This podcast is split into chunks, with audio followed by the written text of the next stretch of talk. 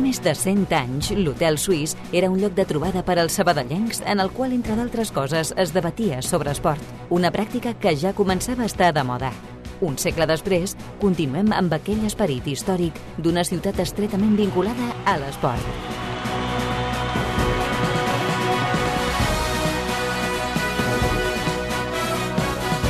Hotel Suís, amb Adriana Royo.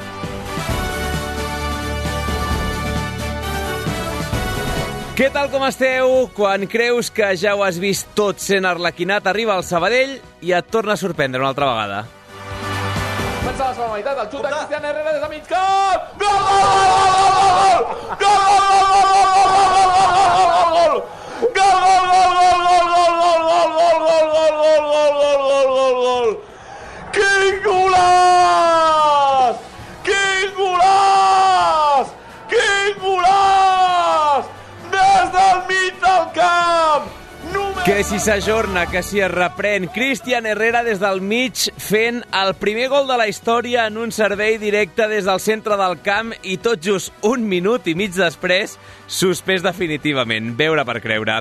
El que vam viure ahir va ser inversemblant al 100% i encara avui estem acabant de pair-ho i buscant a qui beneficia i a qui perjudica tot el que va succeir.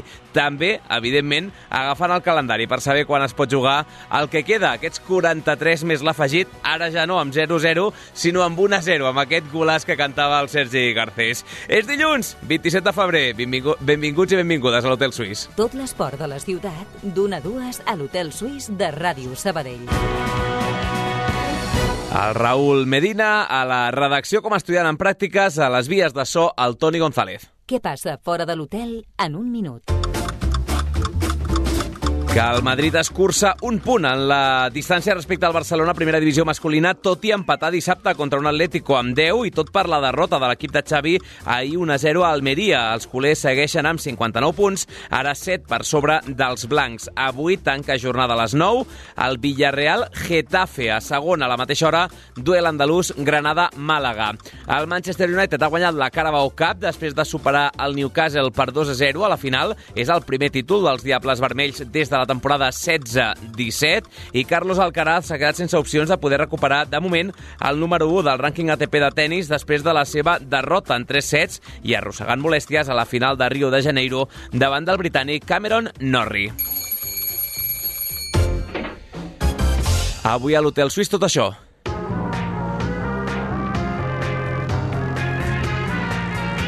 Es comenta la recepció? Tindrem el post del partit més estrany de tots els que hem tingut aquesta temporada interromput a l'espera de 43 més l'afegit que encara s'han de jugar. De moment 1-0 contra la U de Logroñés. També parlarem del Sabadell B, de la Final Four de waterpolo femení, una més 10 dels últims 12 anys amb l'Estalpul senti present i, entre altres coses, una mica d'embol amb l'Oar Gràcia. L'actualitat de la primera ref. Iñaki Alonso i David Comamala cessats al gimnàstic de Tarragona com a entrenador i director esportiu respectivament. Agafa les regnes de la banqueta grana Dani Vidal, avui ja primer entrenament amb els tarragonins després del 0 a 4 del líder de l'Eldense al nou estadi Costa Daurada. La notícia curiosa. La sabadellenca Eva Olit, campiona de la Capital Cup femenina amb el Hers després de guanyar el derbi d'Edimburg contra l'Hibernians. Per ser exactes, van empatar, però els penals es van endur aquest títol honorífic. Llegim, entre altres, una entrevista a Twitter amb la de Canuriac a la BBC d'Escòcia. De quin partit no estarem pendents? Del Besa Cavalle contra el Flamurtari Blore a la una, és a dir, fa 7 minuts que ha començat el partit, jornada 17 a Albània. I a les xarxes socials. El gol de Cristian Herrera, evidentment, que s'ha fet viral arreu de tot Espanya després de l'enrenou Finet Work. Set dies després torna a estar en boca de tothom el Sabadell, això sí, per un motiu completament diferent. Pedro González, per exemple, estadístic de la primera federació, parla del gol més ràpid en una segona meitat, 3,1 segons i el primer de servei directe des de centre. Per exemple, veiem també el gol a Sports Center de ESPN, gairebé 4 milions de seguidors. Té aquest perfil a Twitter que també ha compartit la imatge del gol de Cristian Herrera. Arroba Pau del Nord, per cert, ens piulava ahir des de l'estadi dia complet futbol i jocs de neu a la nova Creu Alta, fent un nino amb tota la pedra que va caure. I si voleu veure com baixen les aigües i no és una broma fàcil per Logroño, entreu a qualsevol publicitat publicació d'ahir de la UD, per sobre de la cinquantena de respostes, per exemple, el tuit de l'anunci de la suspensió del partit supera les 70 el del gol de Christian, i podeu imaginar-vos el to. I per cert, per rematar-ho, ja que la setmana passada parlàvem de les seves estadístiques espectaculars, una més de Dani Fernández amb l'Stuttgart, victòria de l'equip alemany, amb gol seu des dels 7 metres amb el temps ja complert i registres encara més brutals, 7 de 8, 87,5% d'encert i ja 68 gols en 19 partits a la Bundesliga. La irrupció del sabadellenc en el seu primer any a terres germàniques espectaculars. Avui celebra el seu aniversari. I acabem felicitant un dels japonesos vinculats a la centenària història del centre d'esports, Ibuzuki Hiroshi. Avui bufa espelmes. Hotel Suís, de dilluns a divendres, a Ràdio Sabadell. Dream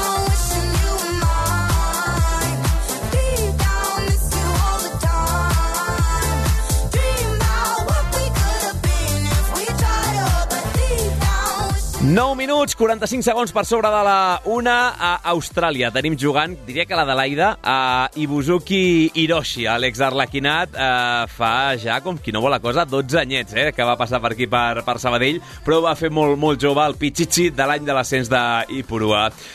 Sergi Garcés, què tal, com estàs? Bona tarda. Ha estat una bona entrada aquesta per recordar la d'anys que fem eh, aquí a Ràdio Sabadell, que, que estem narrant partits del centre d'esports, una com la d'ahir, tu que portes, eh, què són, 20 temporades ja, 21? 22 aquesta. 22, eh? eh és, és que va ser estrambòtic, va ser inversemblant, surrealista. Jo, ni com a aficionat, jo no recordo res semblant al que vam viure ahir. No, sigui, res del que vam viure ahir. És a dir, ni, ni un golaç com el de Cristian Herrera, per començar per la, per la part més positiva i més eh, noticiable segurament de, del que es va tocar viure, ens va tocar viure tots plegats ahir a l'estadi de la Nova Creu Alta, ni tampoc m'havia... Bé, jo no ho he vist ni com a espectador ni professionalment que un partit es reprenés eh, un minut i mig o, o dos minuts per a, molt estirar, que és el que es va decidir entre que va tornar a reprendre's el joc la segona meitat i en aquest cas va, va estar Cervera, l'àrbitre balear del partit d'ahir, va decidir que sí, que de manera definitiva tots a vestidors i tots cap a casa. Clar, és que l'electrònic reflectia, crec que era el 48 en 20, que és quan es va aturar eh, el rellotge del marcador, però no el partit. Ja feia estona que s'havia aturat. Uh, no vam arribar als dos minuts de la represa, per tant, s'hauran de jugar 43 minuts i uns 10-15 segons més l'afegit. Segons el cronòmetre, 4, eh, 43-11. Avui em deien que era una miqueta més, o sigui, que era menys temps el que queda per jugar, perquè en lloc d'un minut 40 i escaig, 49 segons, 43. havien estat no, una mica més, o sigui, que, que arribava gairebé als dos minuts, però bé, és igual. Dit això, eh, és que, clar, de, de, jo crec que ara mateix eh, tothom que estigui escoltant això ja sap com va anar la pel·lícula, però per si de cas, eh, dins de l'enrenou que hi va haver de si s'ajornava, no s'ajornava, decideix Bastar Cervera que sí que juga, marca Cristian Herrera des del mig del camp, xutant directe, dient-li a Pau Víctor apartat que ja la foto jo directa. I, i es torna a reprendre el joc i acaba suspenent el partit, jo crec que d'aquests no arriba a dos minuts, va estar més aturat al partit, amb la celebració, l'eufòria, que no pas corrent la pilota. Sí, sí, sí, i tot plegat, insisteixo, eh, amb un terreny de joc que ja a la mitja part es va veure que quedava absolutament impracticable, que era impossible que la pilota girés eh, sobre la gespa de, de l'estadi de la Nova Creu Alta, i que, eh, bé, per mi el més estrany, eh, dins de totes les decisions que es van prendre ahir, la més estranya, sens dubte, insisteixo, és la de reemprendre el partit quan era una evidència, quan ja donàvem per fet que era pràcticament impossible jugar-lo. Que el Sabadell ho va saber aprofitar en aquest doncs, eh, minut i escaig.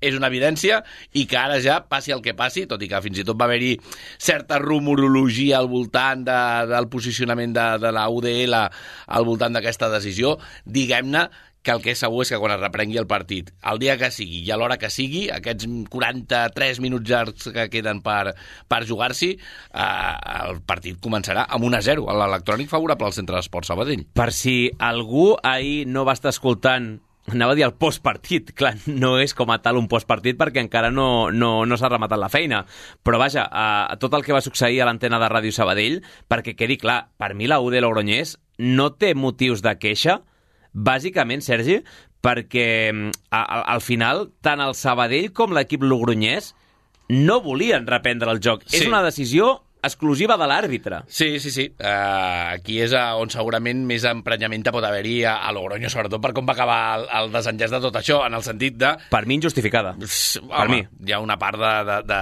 pataleta que jo crec que és entenible. És a dir, tu no vols jugar al partit... El rival tampoc. T'obliguen a jugar al partit... Però ho acceptes? Sí, home, clar, perquè no, no pots dir que no, eh? Clar, tampoc. eh, o sigui, però, que, no, però que els no, dos no, equips diuen d'acord, vinga, va, no volem, però anem a jugar. Però perquè no tens tampoc opció al no. O sigui, és, és un allò molt, molt condicionat de dir, tu pots negar-te a jugar al partit? No, no pots negar-te a jugar al partit.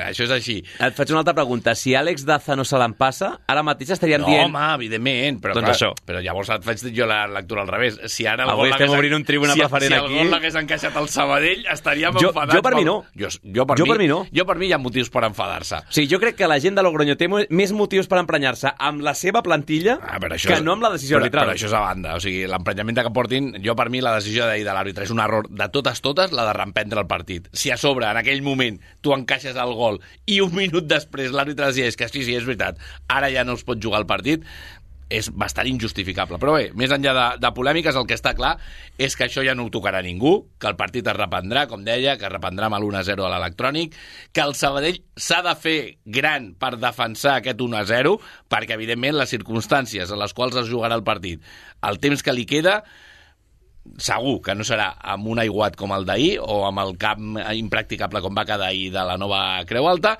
i a banda d'això obrirem tots els capítols de com poden arribar els uns, com poden arribar els altres, qui vindrà si és que hi ha canvis a la banqueta de, de la UDL, com estarà el Sabadell i els seus jugadors per afrontar aquells 43 minuts llargs, molts interrogants que no tenen massa a veure ara ja amb el capítol en si mateix que, que va tocar viure ahir a l'estadi de la nova Creu Alta. De seguida escoltem protagonistes. Abans, ja que estem en aquest uh, terreny més subjectiu, uh, és evident, jo crec que tots estem d'acord que estava impracticable de totes totes, el terreny de joc, que evidentment comet una errada bastar Cervera i que es desdiu ell mateix dos minuts més tard, i aquí el tema està, per mi, qui surt més beneficiat i qui més perjudicat de tot això? Perquè hi haurà qui digui, home, ja que vas fer l'1-0, faltant 43 minuts, si no es juga a res perquè no es pot jugar, perquè tot està enfangat i són bassals i lluita, pilota aèria i ja està, millor per nosaltres que anem guanyant, i la lectura a la inversa, que també et feien, depèn de qui, ahir, era, home, és que és més difícil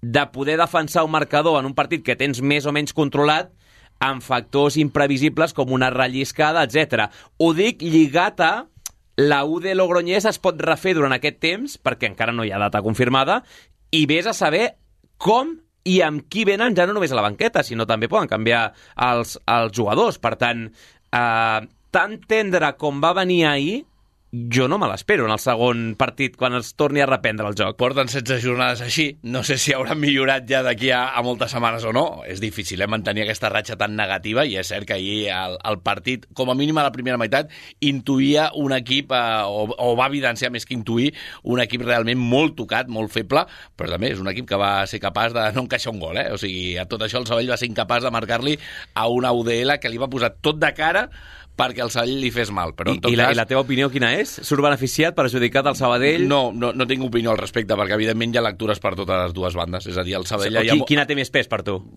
Que ahir el Sabadell amb l'1-0 segurament s'hagués fet més fort amb el camp tan impracticable com estava. Però, dit això, igual te'n remunten un 1-2 i et quedes amb, una pam, amb un pam de Sí. nas, eh? O sigui, no... També deien, tenien a Clau Mendes, tenien a gent així per jugar més directe... Clar, no, no, o sigui... i que després arribes a corners i en els corners eh, la pluja afecta molt, afecta poc, te la pots fotre cap a dins i si no que li diguin a Bono, a una sortida de punys Sí, sí. Cap, a, cap enrere. Però bé, Va, protagonistes. Uh, fins aquí aquest terreny més subjectiu. Uh, el que és evident és que ahir, com dèiem, és que el terreny de joc no estava per, per absolutament res. Sí, i que per mi la, la decisió és la més correcta, eh? la de no jugar el partit veient. Bé, insisteixo, ja no s'hauria d'haver reprès eh, i, evidentment, no s'hauria d'haver acabat o, no, eh, o està ben decidit el fet de no acabar-lo.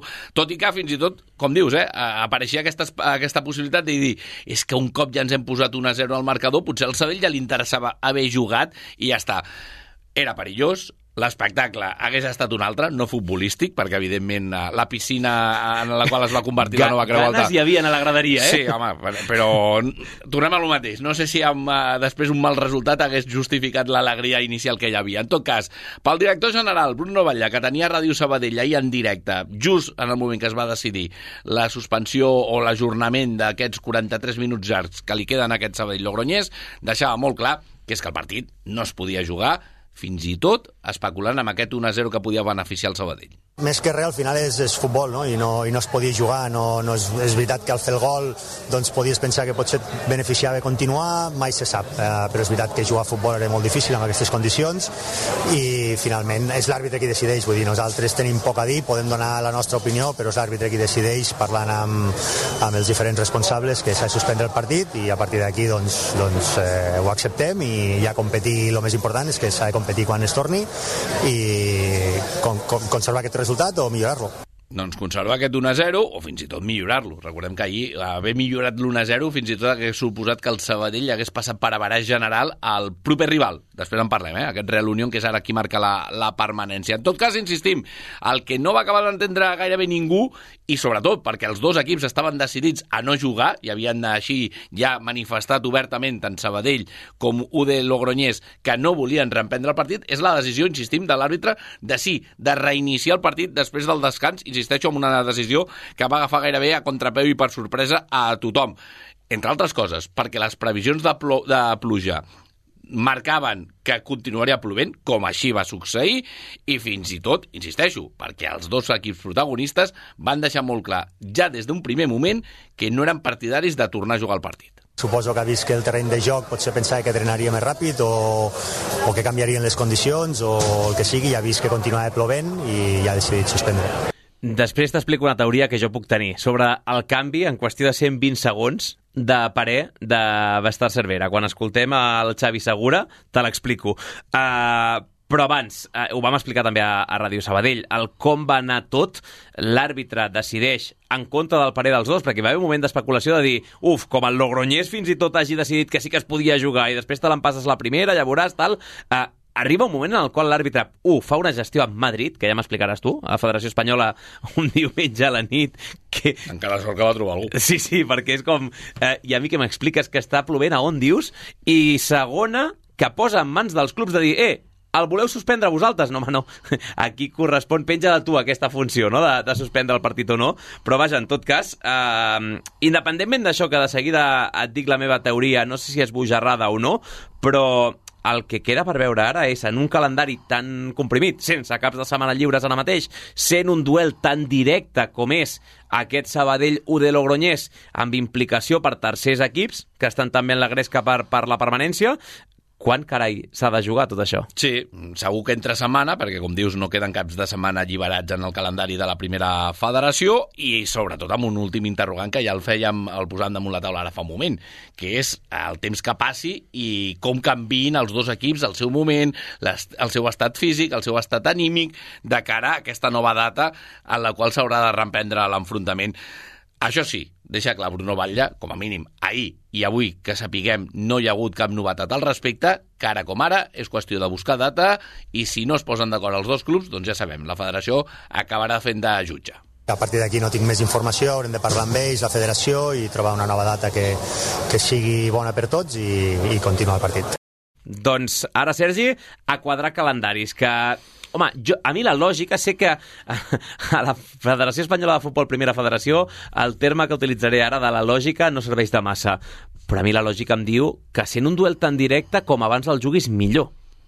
Sí, perquè tingui menys incidència amb els possibles aquests canvis que estem dient i sobretot perquè, com diem, estan implicats els dos equips protagonistes del partit d'ahir, però de retruc n'hi ha uns quants més que es podrien veure afectats amb una millora del Sabadell, amb una millora del propi U de Logroñés, bé, amb els resultats o, que es o al revés, sí, sí, que un dels dos es quedi bueno, despenjat. Que, que empitjorin ja els sí, dos, sí, sí. És, eh, no, ja gairebé però, seria dramàtic. Però perquè... només que un dels sí, dos sí. empitjori i es quedi despenjat, ja, ja estàs influint i molt en Sí, el desenllaç, perquè està clar. tu imagina't que un dels dos ja no té opcions quan es reprèn el partit. Ja, ja és una altra pel·lícula del que teníem ahir. És un altre escenari, està clar. També et dic que tenint el precedent del Numancia Lleida Esportiu de l'any passat a segona federació, no sé, ho dic bàsicament perquè aquell partit amb tot l'enrenou que hi va haver es va acabar jugant quan el Numancia ja ho tenia tot fet. Per tant, aquí vés a saber. En tot cas, l'última hora és que no tenim encara cap data ni res per l'estil, no? Cap. Doncs El temps. a l'espera. I tirem aquesta sintonia perquè avui al Cafè de la Ràdio, Sergi, teníem també l'explicació de què carai va passar la nova Creu Alta i per què, tot i que la neu no va arribar fins a entrada la matinada a Sabadell, vam veure fins i tot ninos pràcticament de neu, no era ben bé neu, però ho semblava, ahir a la nova Creu Alta durant el partit. Sí, aquests, eh, aquests ninots de, de gel, més que de neu, eh, que és eh, fruit de la calamarsada que va caure durant uns minuts, perquè la pluja és cert que va ser molt intensa al llarg de tot el partit, i bé, i ben entrada ja la, la nit matinada va continuar plovent i després, posteriorment, amb la caiguda de temperatures, amb aquesta nevada doncs, una mica més, més, més feble, però nevada al cap i a la fi sobre Sabadell, però el que sí que va haver-hi durant uns minuts és eh, que la marçada a, a l'estadi de la Nova Creu Alta, que ho acaba d'embolicar tot plegat, un fenomen molt curiós, molt concret, i que, com dius avui, el Xavi Segura, el company meteoròleg, i en declaracions al Cafè de la Ràdio d'aquesta casa, ens explicava exactament, en aquells minuts de partit, què és el que havia succeït sobre l'estadi. del partit del Sabadell uh, és el que es coneix com a neu granulada, calamarsa o calabruix, que bàsicament és um, quan entra molt l'aire fred a l'altura, com va passar ahir, que va començar a entrar l'aire fred, de cop i volta el Pirineu va passar de 4 sota 0 a 13, 15 sota 0, per tant un, un canvi brusc de temperatura, i aquí encara no havia arribat l'aire fred, però sí que estava en altura, i quan precipita fa que caiguin aquesta, aquestes partícules de gel que gairebé sembla neu, però en aquell cas no ho era. Era calabruix, insistim, neu granulada, calamarsa, acompanyada d'aigua, Fins i tot jo ho he entès. Sí, o, sí, sí. o sigui que s'entén el, fe el fenomen meteorològic com a mínim. La meva teoria és bojarrada. És que l'àrbitre, en un primer moment, obvia que el terreny de joc no està per a jugar i diu, home, està caient molta aigua, hi ha tolls, etc. però reprenem el partit i llavors comença a caure aquesta pedra i gairebé per una qüestió de, de seguretat diu, ep, si hi ha calamarsada, llavors sí que recollim.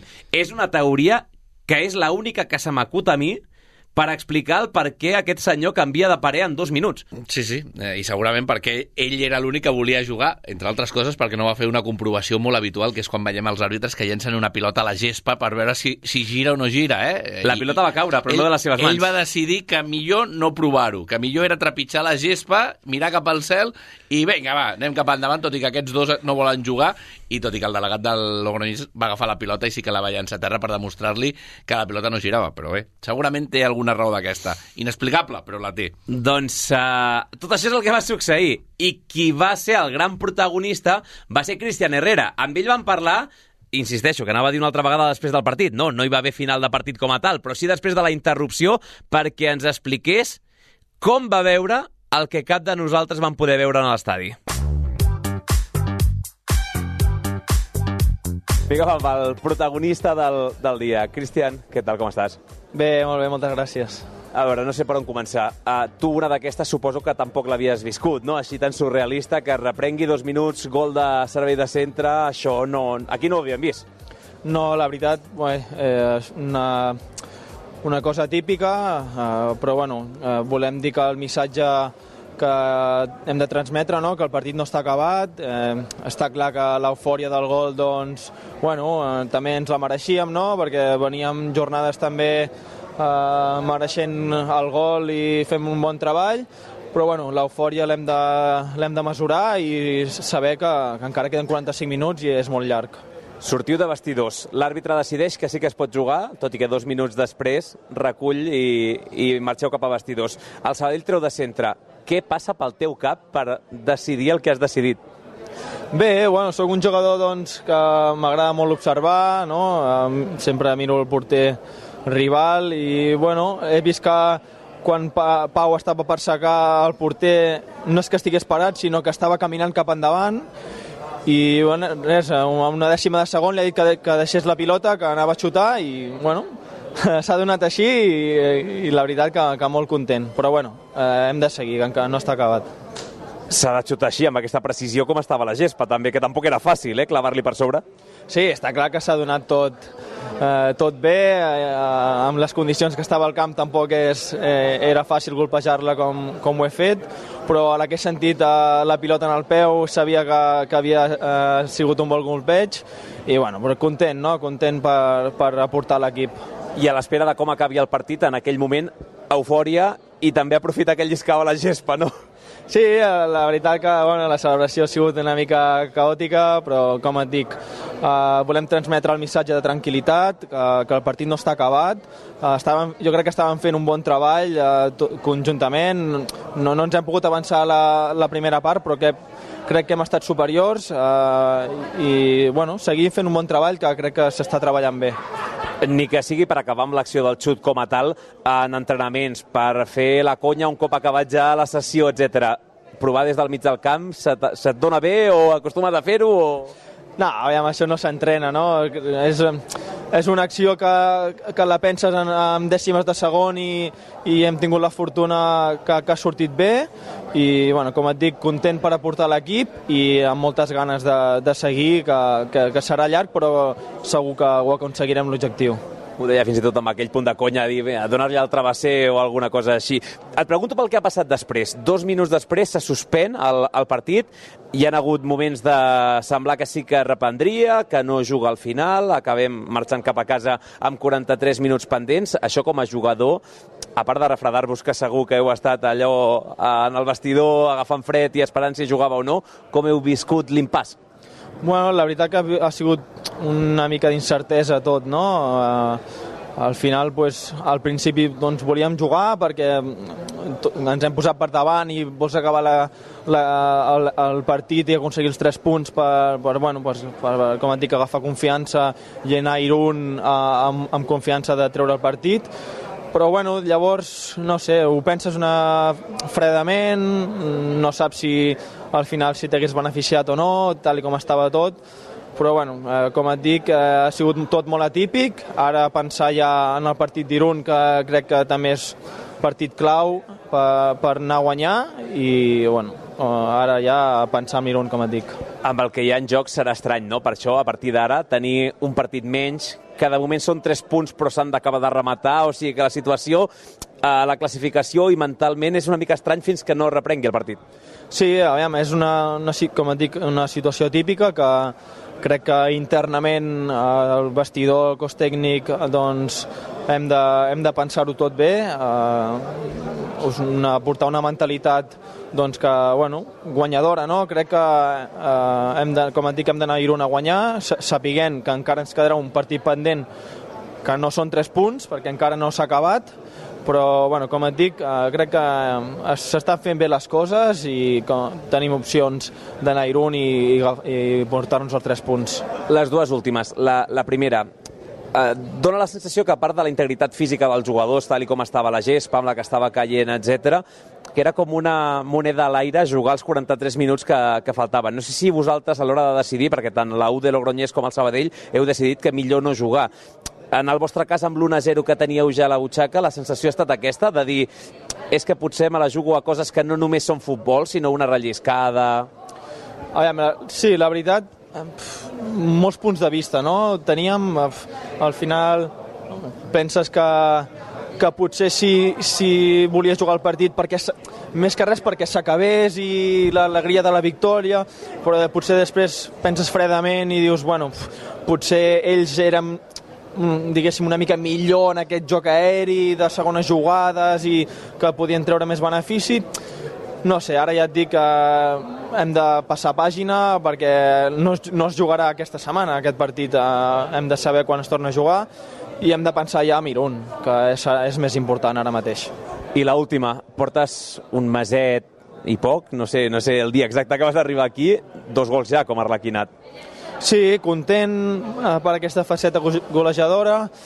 Eh, també penso que, que puc donar més, eh, més bon nivell. Eh, està clar que arriba un, un lloc nou com el Sabadell, doncs eh, tothom té la seva adaptació, però crec que, que al pas de les setmanes i crec que més, més, més aviat que tard agafaré la, la meva millor versió uh, per aportar l'equip, però bueno, uh, dos gols en quatre partits, uh, content.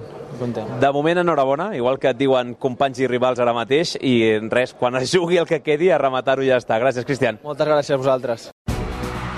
L'Hotel Suís obre les portes a l'esport de Sabadell.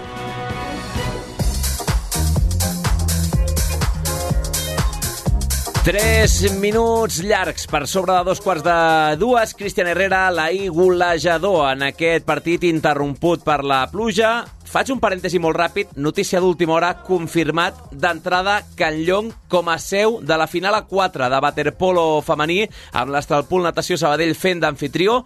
I tenim rival també, Horizonte de Catània Natació Sabadell a les semifinals. Després hi aprofundim amb el Pau Vituri i tot el que va donar de si també el partit de tornada a Roma dels quarts de final d'aquesta màxima competició de waterpolo continental. Però insisteixo, l'última hora és que el dia 31 de març i 1 d'abril es jugarà aquí, a la Finet Work Aquàtics de Sabadell, a Can Llong, aquesta final a 4 del Natació Sabadell.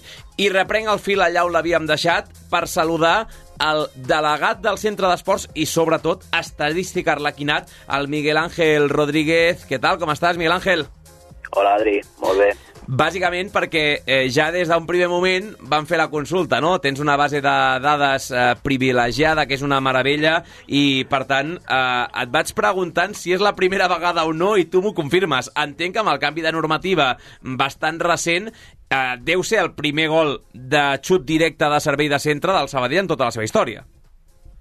Bueno, que, tinguem constància, sí. Eh, sí que algun altre gol des del mig camp hem marcat. L'últim que recordem és el de Manel Martínez en un partit de Copa Federació al camp de l'Espanyol B, però que sigui des del punt de, del cercle central, doncs és, eh, principi és la primera vegada. O sigui, eh, també algo històric. Doncs aquí la primera dada. Uh, Manel Martínez, per cert, uh, el més veterà dels dos, eh? O sigui, estem parlant de, Sí, sí. de fa 15 anys, més o menys, no? Mm. Sí, sí, va ser la temporada 2006-2007, era la de tercera divisió, i Manel Martínez, el, que va jugar als anys 90. Doncs uh, queda dit, el precedent de xut des del mig del camp i, evidentment, que mai no havia passat de, de servei directe de, de centre. Suspensions a la nova Creu Alta sí que n'hem vist. La d'ahir va ser peculiar perquè vam tenir el moment de neguit i de dubte, al final es va reprendre el gol dos minuts i una altra vegada ja suspès i de manera definitiva. Però per pluja, que jo recordi per neu, per falta d'il·luminació, i no sé si recordes algun precedent més així, eh, allò de manera ràpida i resumida, però, però suspensions sí que n'hem tingut unes quantes. Bueno, l'últim precedent va ser el partit contra les Palmes de la temporada 2014-2015, a segona A, que no, no es va arribar a començar el partit per, per la pluja. Eh, L'anterior vegada va ser de 2005-2006 en un partit de Copa eh, Federació. Aquest partit sí que va començar i es va suspendre al minut 7. Eh, fins ahir era l'ú- l'únic precedent a la Nova Creu Alta d'un partit que, que hagués començat i s'hagués suspès a un cop començat. Contra qui era? Contra el Girona. Girona. Sabadell Girona i aquell era l'únic precedent fins ahir. O sigui que ja tenim dos precedents d'un d'un partit que ha començat i s'ha hagut de suspendre durant el, durant el partit. Eh, més enrere eh, ens anem a la temporada 2001-2002 en un derbi contra el Terrassa. Aquell dia va ser per, per la neu que, que va caure a Sabadell, que no, no, no es va arribar a començar i més enrere sí que trobem altres partits, eh, fins i tot fora de casa, un partit de... Hi ha, hi ha casos curiosos, eh?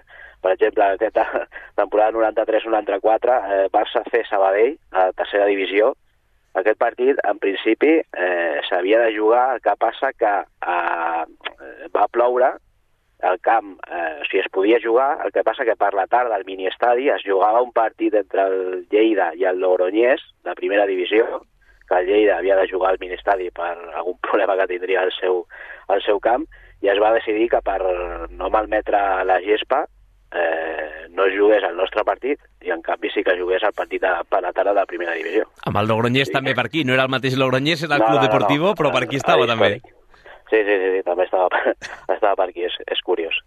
I, bueno, altres, altres casos més enrere de, de pluja o, o de neu també. Déu-n'hi-do. Um, evidentment, el dia que es reprengui, ni que sigui perquè potser d'aquí a que tinguem ja data i algun lesionat, etc, no cal que siguin els mateixos 11 de banda i banda els que reprenguin el joc. Eh, no, de fet, eh, per normativa, un jugador que, per exemple, ahir estigués lesionat, en el nostre cas, doncs, eh, Atumant o Carrió, per exemple, doncs, si d'aquí eh, X dies, quan es torni a reprendre el partit, doncs, si estan recuperats, podrien tornar a jugar. Eh, el que no podran jugar són els que ahir estaven sancionats. Començant pel, pel Miqui, per l'entrenador, que, que complirà el primer dels partits de sanció amb aquest Sabadell de Logroñés, independentment de quan es jugui. Acabo ja amb una curiositat, Miguel Ángel, a, això a la base de dades com, com ho comptabilitzes? Eh, no, no, no sé com, com apuntes al partit, les alineacions, això en el teu meravellós Excel com va apuntat? Bueno, eh, el partit és, és un, o sigui, no, només hi ha un partit. L'únic que es podrà donar la, la curiositat de que, per exemple, si en un partit normal poden arribar a jugar fins a 16 jugadors, no? Entre els 11 titulars i els 5 canvis, 16 jugadors. Doncs es podria donar la curiositat de que quan es reprengui el partit en la suma de les, dos, de les dues parts eh, arribin a jugar, no sé, 20 jugadors, saps? O sigui que haurem de, de fer alguna, alguna cosa aquí per, per quadrar-ho, però serà, serà curiós. Hauràs d'ampliar la graella de, de l'Extel amb algun que altra, alguna que altra filera més, per si, per si de cas. Per cert, que el partit va començar el 26 de febrer. Tenim alguna novetat de quan acabarà o no? No hi ha data encara, no?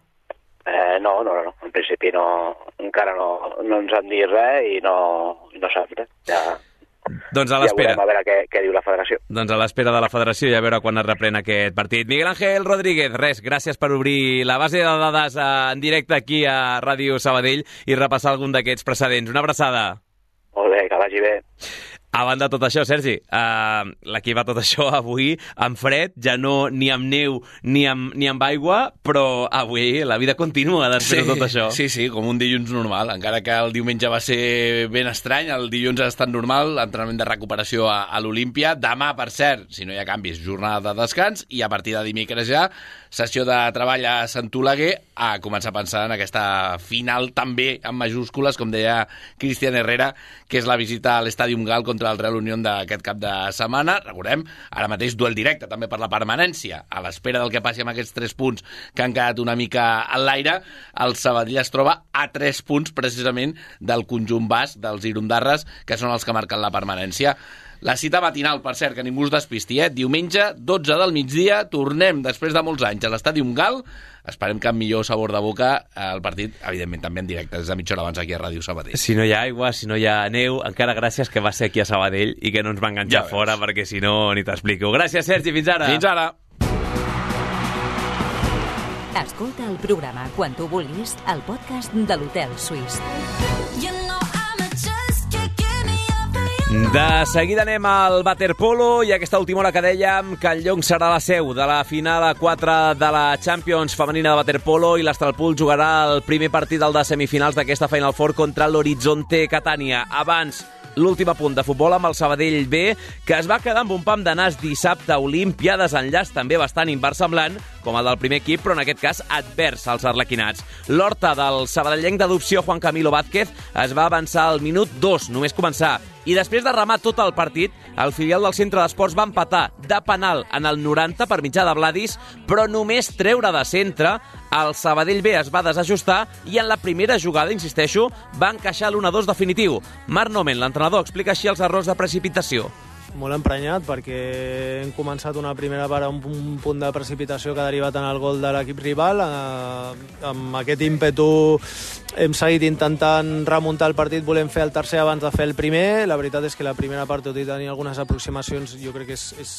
és de massa precipitació i a la mitja part crec que hem ajustat i hem controlat molt millor la segona part, hem estat allà picant pedra, picant pedra fins que fas l'empat i en una situació inusual com és eh, prendre decisions i fer coses que no toquen, doncs eh, ens han marcat només marcar el segon gol i s'ha quedat mig del camp, així que estem molt emprenyats. Per Noventop va ser producte de la joventut de la plantilla, tot i que demana deixar enrere ja aquest discurs de l'aprenentatge i aprendre d'una vegada per totes, deia, a competir, evitant aquest tipus d'errors, diu, innecessaris i que costen punts. 100%, 100%. Jo crec que el partit estava decantat cap a nosaltres, amb l'1-1 eh, segur que ells anaven a quedar-se una mica groguis als minuts, de, als minuts finals i, i la veritat és que els ha sortit una jugada espectacular precisament perquè nosaltres hem fet el que no havíem de fer, que era desdibuixar-nos en, el, en la pressió en el, servei de, en el servei de mig del camp. La derrota contra l'Horta trenca una ratxa de 9 partits consecutius sense perdre dels arlequinats, que segueixen, això sí, sisens, però desaprofiten l'opció de saltar ja directament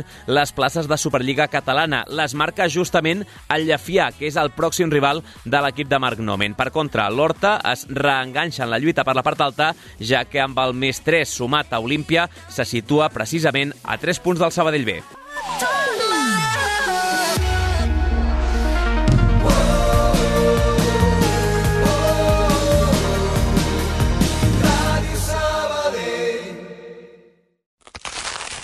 Ets un panarra. T'agrada el pa de debò, cruixent amb molla esponjosa i l'aroma de l'autèntic pa. A Valero també som uns apassionats del pa.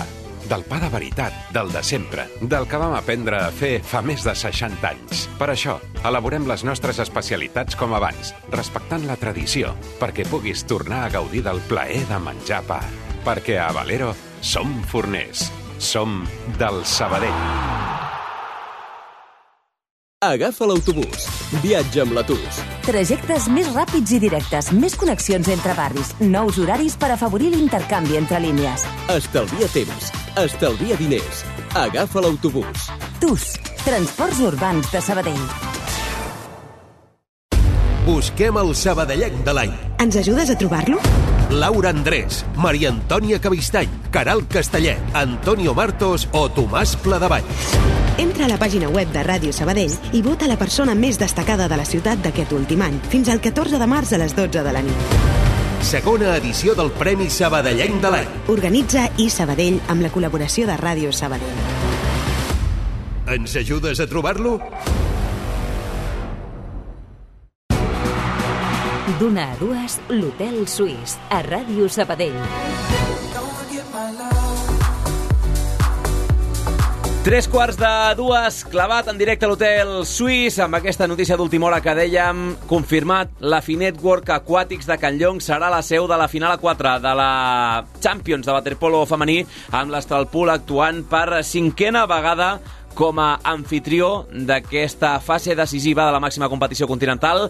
Pau Vituri, què tal, com estàs? Què tal, Adri? Bon dia. Home waterpolo de la casa, victòria de la Roma 13-10 en el segon partit, 5 gols de renda de l'Astralpool del primer partit, per tant, estem parlant de un més dos en el global de l'eliminatòria que classificava aquest cap de setmana a les de David Palma per aquesta final a 4 i al final ja ho venies comentant els últims dies que tenia molts números de ser la piscina triada a Can Llong i tindrem una altra final a 4 aquí. Doncs sí, per primera vegada des del 2019 el guió de... que tenia aquí preparat estripadíssim perquè és una notícia que hem conegut fa tot just un quart d'hora i com, com bé diu, cinquena vegada que el Club Natació Sabadell acull aquesta final a 4, aquesta Final Four de, de la Champions Uh, les quatre anteriors han acabat, van acabar aixecant el títol l'Astralpool aquí a, a casa, per tant veurem què passa. És la primera des del 2019, aquella recordadíssima remuntada contra, contra l'Olimpiakos.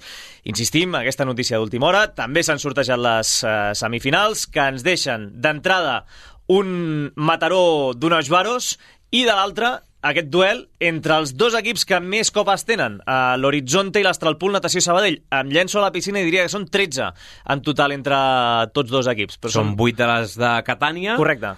I sí, sí, són 13 en total. Sí, doncs T'has tirat a la piscina, però hi havia aigua aquest cop. Crec que són 8 de l'Horizonte, aquí és on Sí, sí, em, sí. em balla la dada, Vaja, però diria, diria que sí. Diria Pràcticament convençut jo també. Saludem precisament a una de les integrants que sap el que és jugar fins i tot la primera final de la història del Club Natació Sabadell en una Copa d'Europa contra el mateix rival, contra l'Horizonte Catània i també aquí a Can Llong. Maica Garcia, en directe, què tal, com estàs? Hola, molt bon dia, molt bé, molt bé, contenta, contenta amb les notícies. Què, què suposa per vosaltres poder jugar una nova Final Four aquí a casa?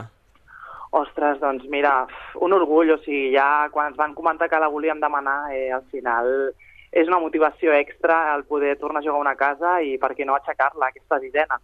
Per cert, que no ho hem dit, 31 de març, 1 d'abril, les, important, les, les dates, per si algú vol apuntar-s'ho al, al calendari, divendres i dissabte, el partit de semis contra l'Horizonte el 31 de, de març. Home, d'entrada, Maica, eh, estarà garantit segur un ambientàs com, com sempre que s'ha jugat una Final Four aquí a casa. Això segur, o sigui, la, la gent ho dona tot, la gent ve, eh, anima, eh, crec que la grada això estarà totalment empenyant el, els partits i, i joder, quines ganes de tornar a veure això, que, que ja ho hem pogut viure altres cops, però que torni a passar eh, serà un altre somni. No hi serà, Pau, l'Olimpiakos, bàsicament perquè el no. Mataró l'ha eliminat. Comentaves ara aquí el sorteig que s'ha dut a terme avui d'un Baros Mataró Horizonte Sabadell. Per tant, a, a, el camí pot quedar molt propici per tenir una final catalana que no ha passat mai, ja no només amb equips catalans, sinó del mateix país, no? Mai a la història. Ara estàvem remenant aquí dades a la redacció. Eh, jugar la, la Champions femenina des de la temporada 1987-1988 i mai a la història s'ha donat una final entre dos equips d'un mateix, eh, d'un mateix país. Eh, recordem que tots dos havien coincidit a Kirishi el 2017, mm. Estralpul i Mataró, però I van jugar una final, la consolació. la, la de consolació del tercer i quart lloc, correcte. Uh, però clar, a tot això, uh, Maica, no sé si ja penjar-vos l'etiqueta de, de favorites, veient el que estem veient aquesta temporada, tant vosaltres com el Mataró, per passar a la final. Eh, bueno, això es parla, però crec que no ens hem d'agafar aquesta etiqueta, simplement hem d'anar partit a partit, eh, al final estem parlant de Champions i tots els, els equips són potents, al final són els, ara mateix som els quatre millors d'Europa i pot passar qualsevol cosa. Eh, no hem de menysprear cap equip ni a cap jugadora ni molt menys i, i anirem a per totes. El tòpic Maica de sempre, jugar a casa és una extra pressió o no? Ho dic perquè, clar, la dada és molt cridanera. Quatre Final Fours aquí a Sabadell, les quatre a les vostres vitrines. No penso que sigui pressió, al revés, o sigui, penso que és més motivació, et dona aquest plus de, de que tens a, bueno, a tota la teva gent no? eh, allà animant i, i bueno, no, ens, no ens ho prenem com a pressió, al revés, ho, ho gaudirem molt més. Um, a tot això, com, com diem, uh, la resta de, de partits són...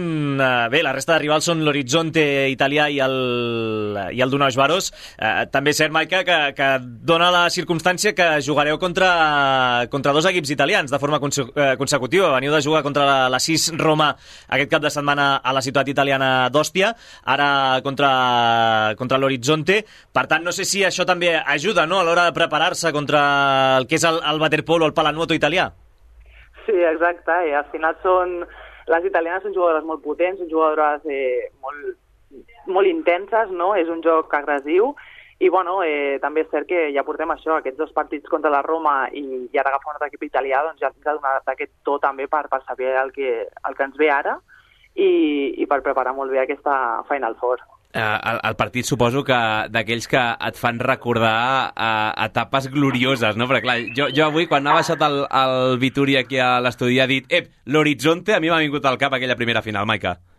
Doncs ja et dic, o sigui, aquella primera final a casa contra l'Horizonte ja va ser històrica, o sigui, és una que mai oblidaria, em sembla, i, i, bueno, i tornar a estar a aquesta Final Four i jugar contra l'Horizonte serà totalment diferent, suposo, o sigui, perquè al final ha canviat totalment l'equip, però, bueno, sempre porta bons records. Mm. Um, avui és 27 de febrer, demà últim dia de mes, ens quedarà un mes clavat pel partit contra l'Horizonte. Es farà llarg, no, Maica, aquest meset, pensant que arribi ja a la final a 4 o no? Segurament. No, no dic que no, però segurament es farà llarg. Ho intentarem passar com puguem. Eh, al final és això, és la motivació i, i més saber que està a casa i, i anirem a per totes eh, durant tot el mes amb l'objectiu principal que serà aquesta Champions. Doncs Maica Garcia, boia de l'equip, que gràcies d'entrada per atendre'ns en directe, que enhorabona també per arribar a una nova Final Four, que no ho hem dit, però són 10 en els últims 12 anys, que ja es diu tot pràcticament dient la, la dada, i res, que intentar passar el més ràpid possible el mes de març i que puguem aixecar una altra Copa Europa aquí a casa. Una abraçada. Moltíssimes gràcies, que vagi molt bé i us esperem, eh? Aquí serem, aquí serem. Fins ara, Maica. Adéu. Adéu. A tot això, Pau, no ho hem comentat. Demà parlarem amb molta profunditat, però demà té cita al masculí, eh? Sí, demà té cita el, el masculí, que, que va guanyar partit de Lliga aquest cap de setmana a la piscina del CNB, un ajustat 6 a 8, això sí, eh, sortint fort des dels dos primers eh, quarts, per tant, segueix líder invicte de la Lliga l'equip de, de Quim Colet, i demà a les 8, partit contra el Marsella, de, de Champions, d'aquesta fase de, de grups, eh, de moment contra l'únic rival al qual han estat capaç de, capaços de guanyar, els de, els de Quim Colet. Per tant, veurem si demà arriba aquesta segona victòria a la fase de grups, per acabar de- d'intentar enganxar-se al somni de jugar la final a 8 d'aquesta competició. Està difícil, però demà donarem tots els detalls. Demà en parlem. Pau Vituri, què t'ha posat deures? La Maica Garcia un meset i has d'estar sí o sí fitxant a la piscina. Fins ara! Adéu! L'Hotel Suís. Una manera diferent d'entendre l'esport. En els últims minuts del programa d'avui, en vol amb el pas enrere de l'Oar Gràcia masculí amb la derrota Sarrià de Ter 34-32. Els graciencs que venien de viure l'èxtasi de la victòria in extremis contra el Sant Cugat es van quedar amb un pam de nas en la seva sortida a terres gironines. Ja dèiem a la prèvia que el Sarrià s'estava convertint en un mal de cap per tots els equips que els tocava visitar la seva pista i els verdiblancs ho van patir en primera persona, especialment en una segona part per oblidar, en què tot es va posar en contra de l'equip de Pere Llats, com explica així el mateix tècnic. Hem començat molt forts, l'únic que eh, amb els canvis a la primera part ens hem ajustat molt al marcador i a la segona penso que ens hem precipitat una mica, ens hem posat nerviosos, considero que l'arbitratge tampoc ens ha acabat d'ajudar en certes accions i un pou de nervis al final que ens ha condicionat a, a que el resultat se'ns anés de les mans al minut 20, 20 i poc. Són declaracions al canal de YouTube del Sarrià, d'un Allats que també feia èmfasi en les nombroses baixes que tenia l'equip i fins i tot recordava el curiós cas de l'extrem Quim Baillo. Nosaltres veníem amb cinc baixes bastant sensibles, el Bernat, central titular de l'equip que portava quatre partits sense jugar, el Peiró que no ha jugat, l'Ismael que no ha jugat, el Jordi que no ha jugat, el Quim que ha tingut que marxar a la mitja part perquè és infermer i treballa a les emergències d'UCI, i al final el Bernat ve de jugar 10 minuts la setmana passada, portava tres partits sense jugar, avui poder no ha estat el més encertat i al final estem tirant de jugadors com el Sergio que, que portava poc rodatge a la categoria. Dels rivals directes pel segon lloc d'aquesta primera nacional, l'únic que també va punxar aquesta jornada va ser el mateix Sant Cugat, que es queda amb els mateixos punts que el Gràcia, 29, però amb un partit això sí pendent. La Roca i Sant Joan d'Espí han agafat ara un lleu avantatge amb 31.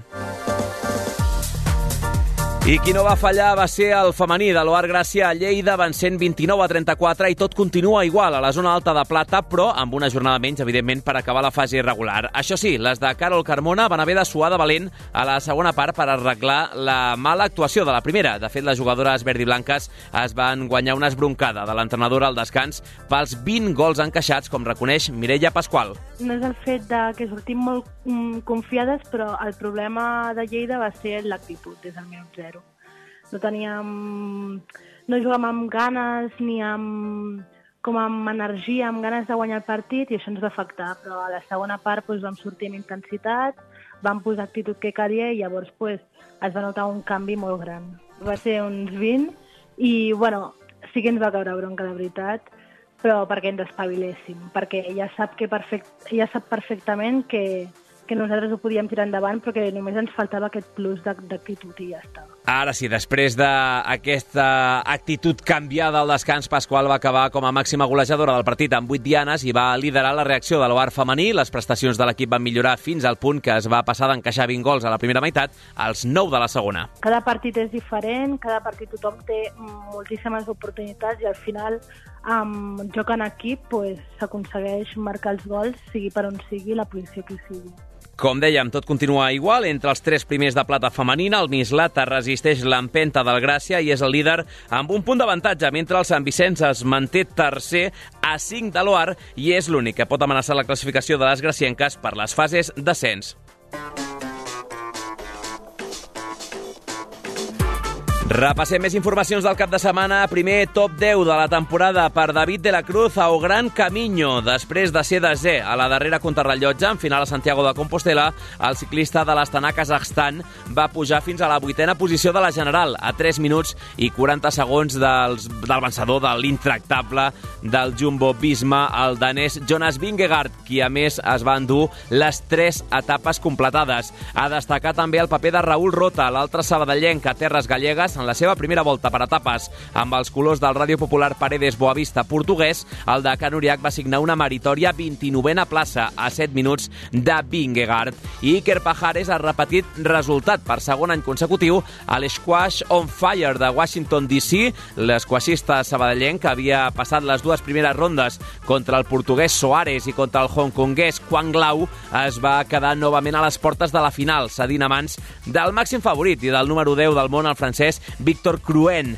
Uh, Pajares va cedir el primer joc per un ajustat 12-10 i després no va tenir ja opcions en els dos següents, caient 11-4 i 11-6. El mateix Cruent es va acabar proclamant campió, guanyant a la final l'egipci Mohamed El Sherbini. La pròxima aparició de l'esquaixista del tenis Sabadell al circuit PSA no està prevista fins a principis d'abril amb el British Open.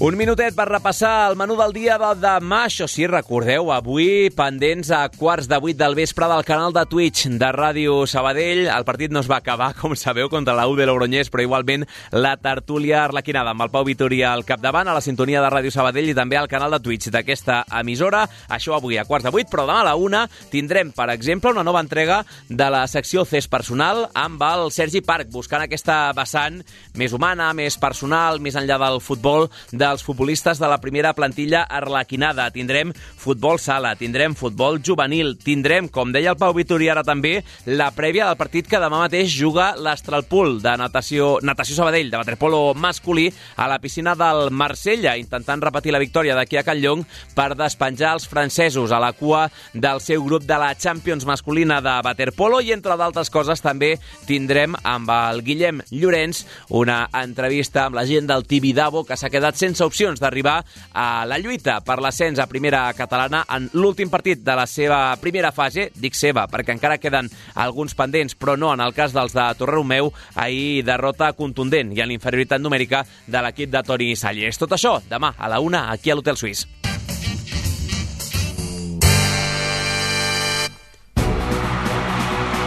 Això sí, podeu recuperar el programa d'avui i tots els que vulgueu al podcast de l'emissora, radiosabadell.fm o a les nostres xarxes socials. Abraçada des del control de so del Toni González, ara arriba la Núria Garcia. Per tant, és l'hora de les notícies aquí a la 94.6. Que vagi molt bé, bon dilluns, adeu-siau.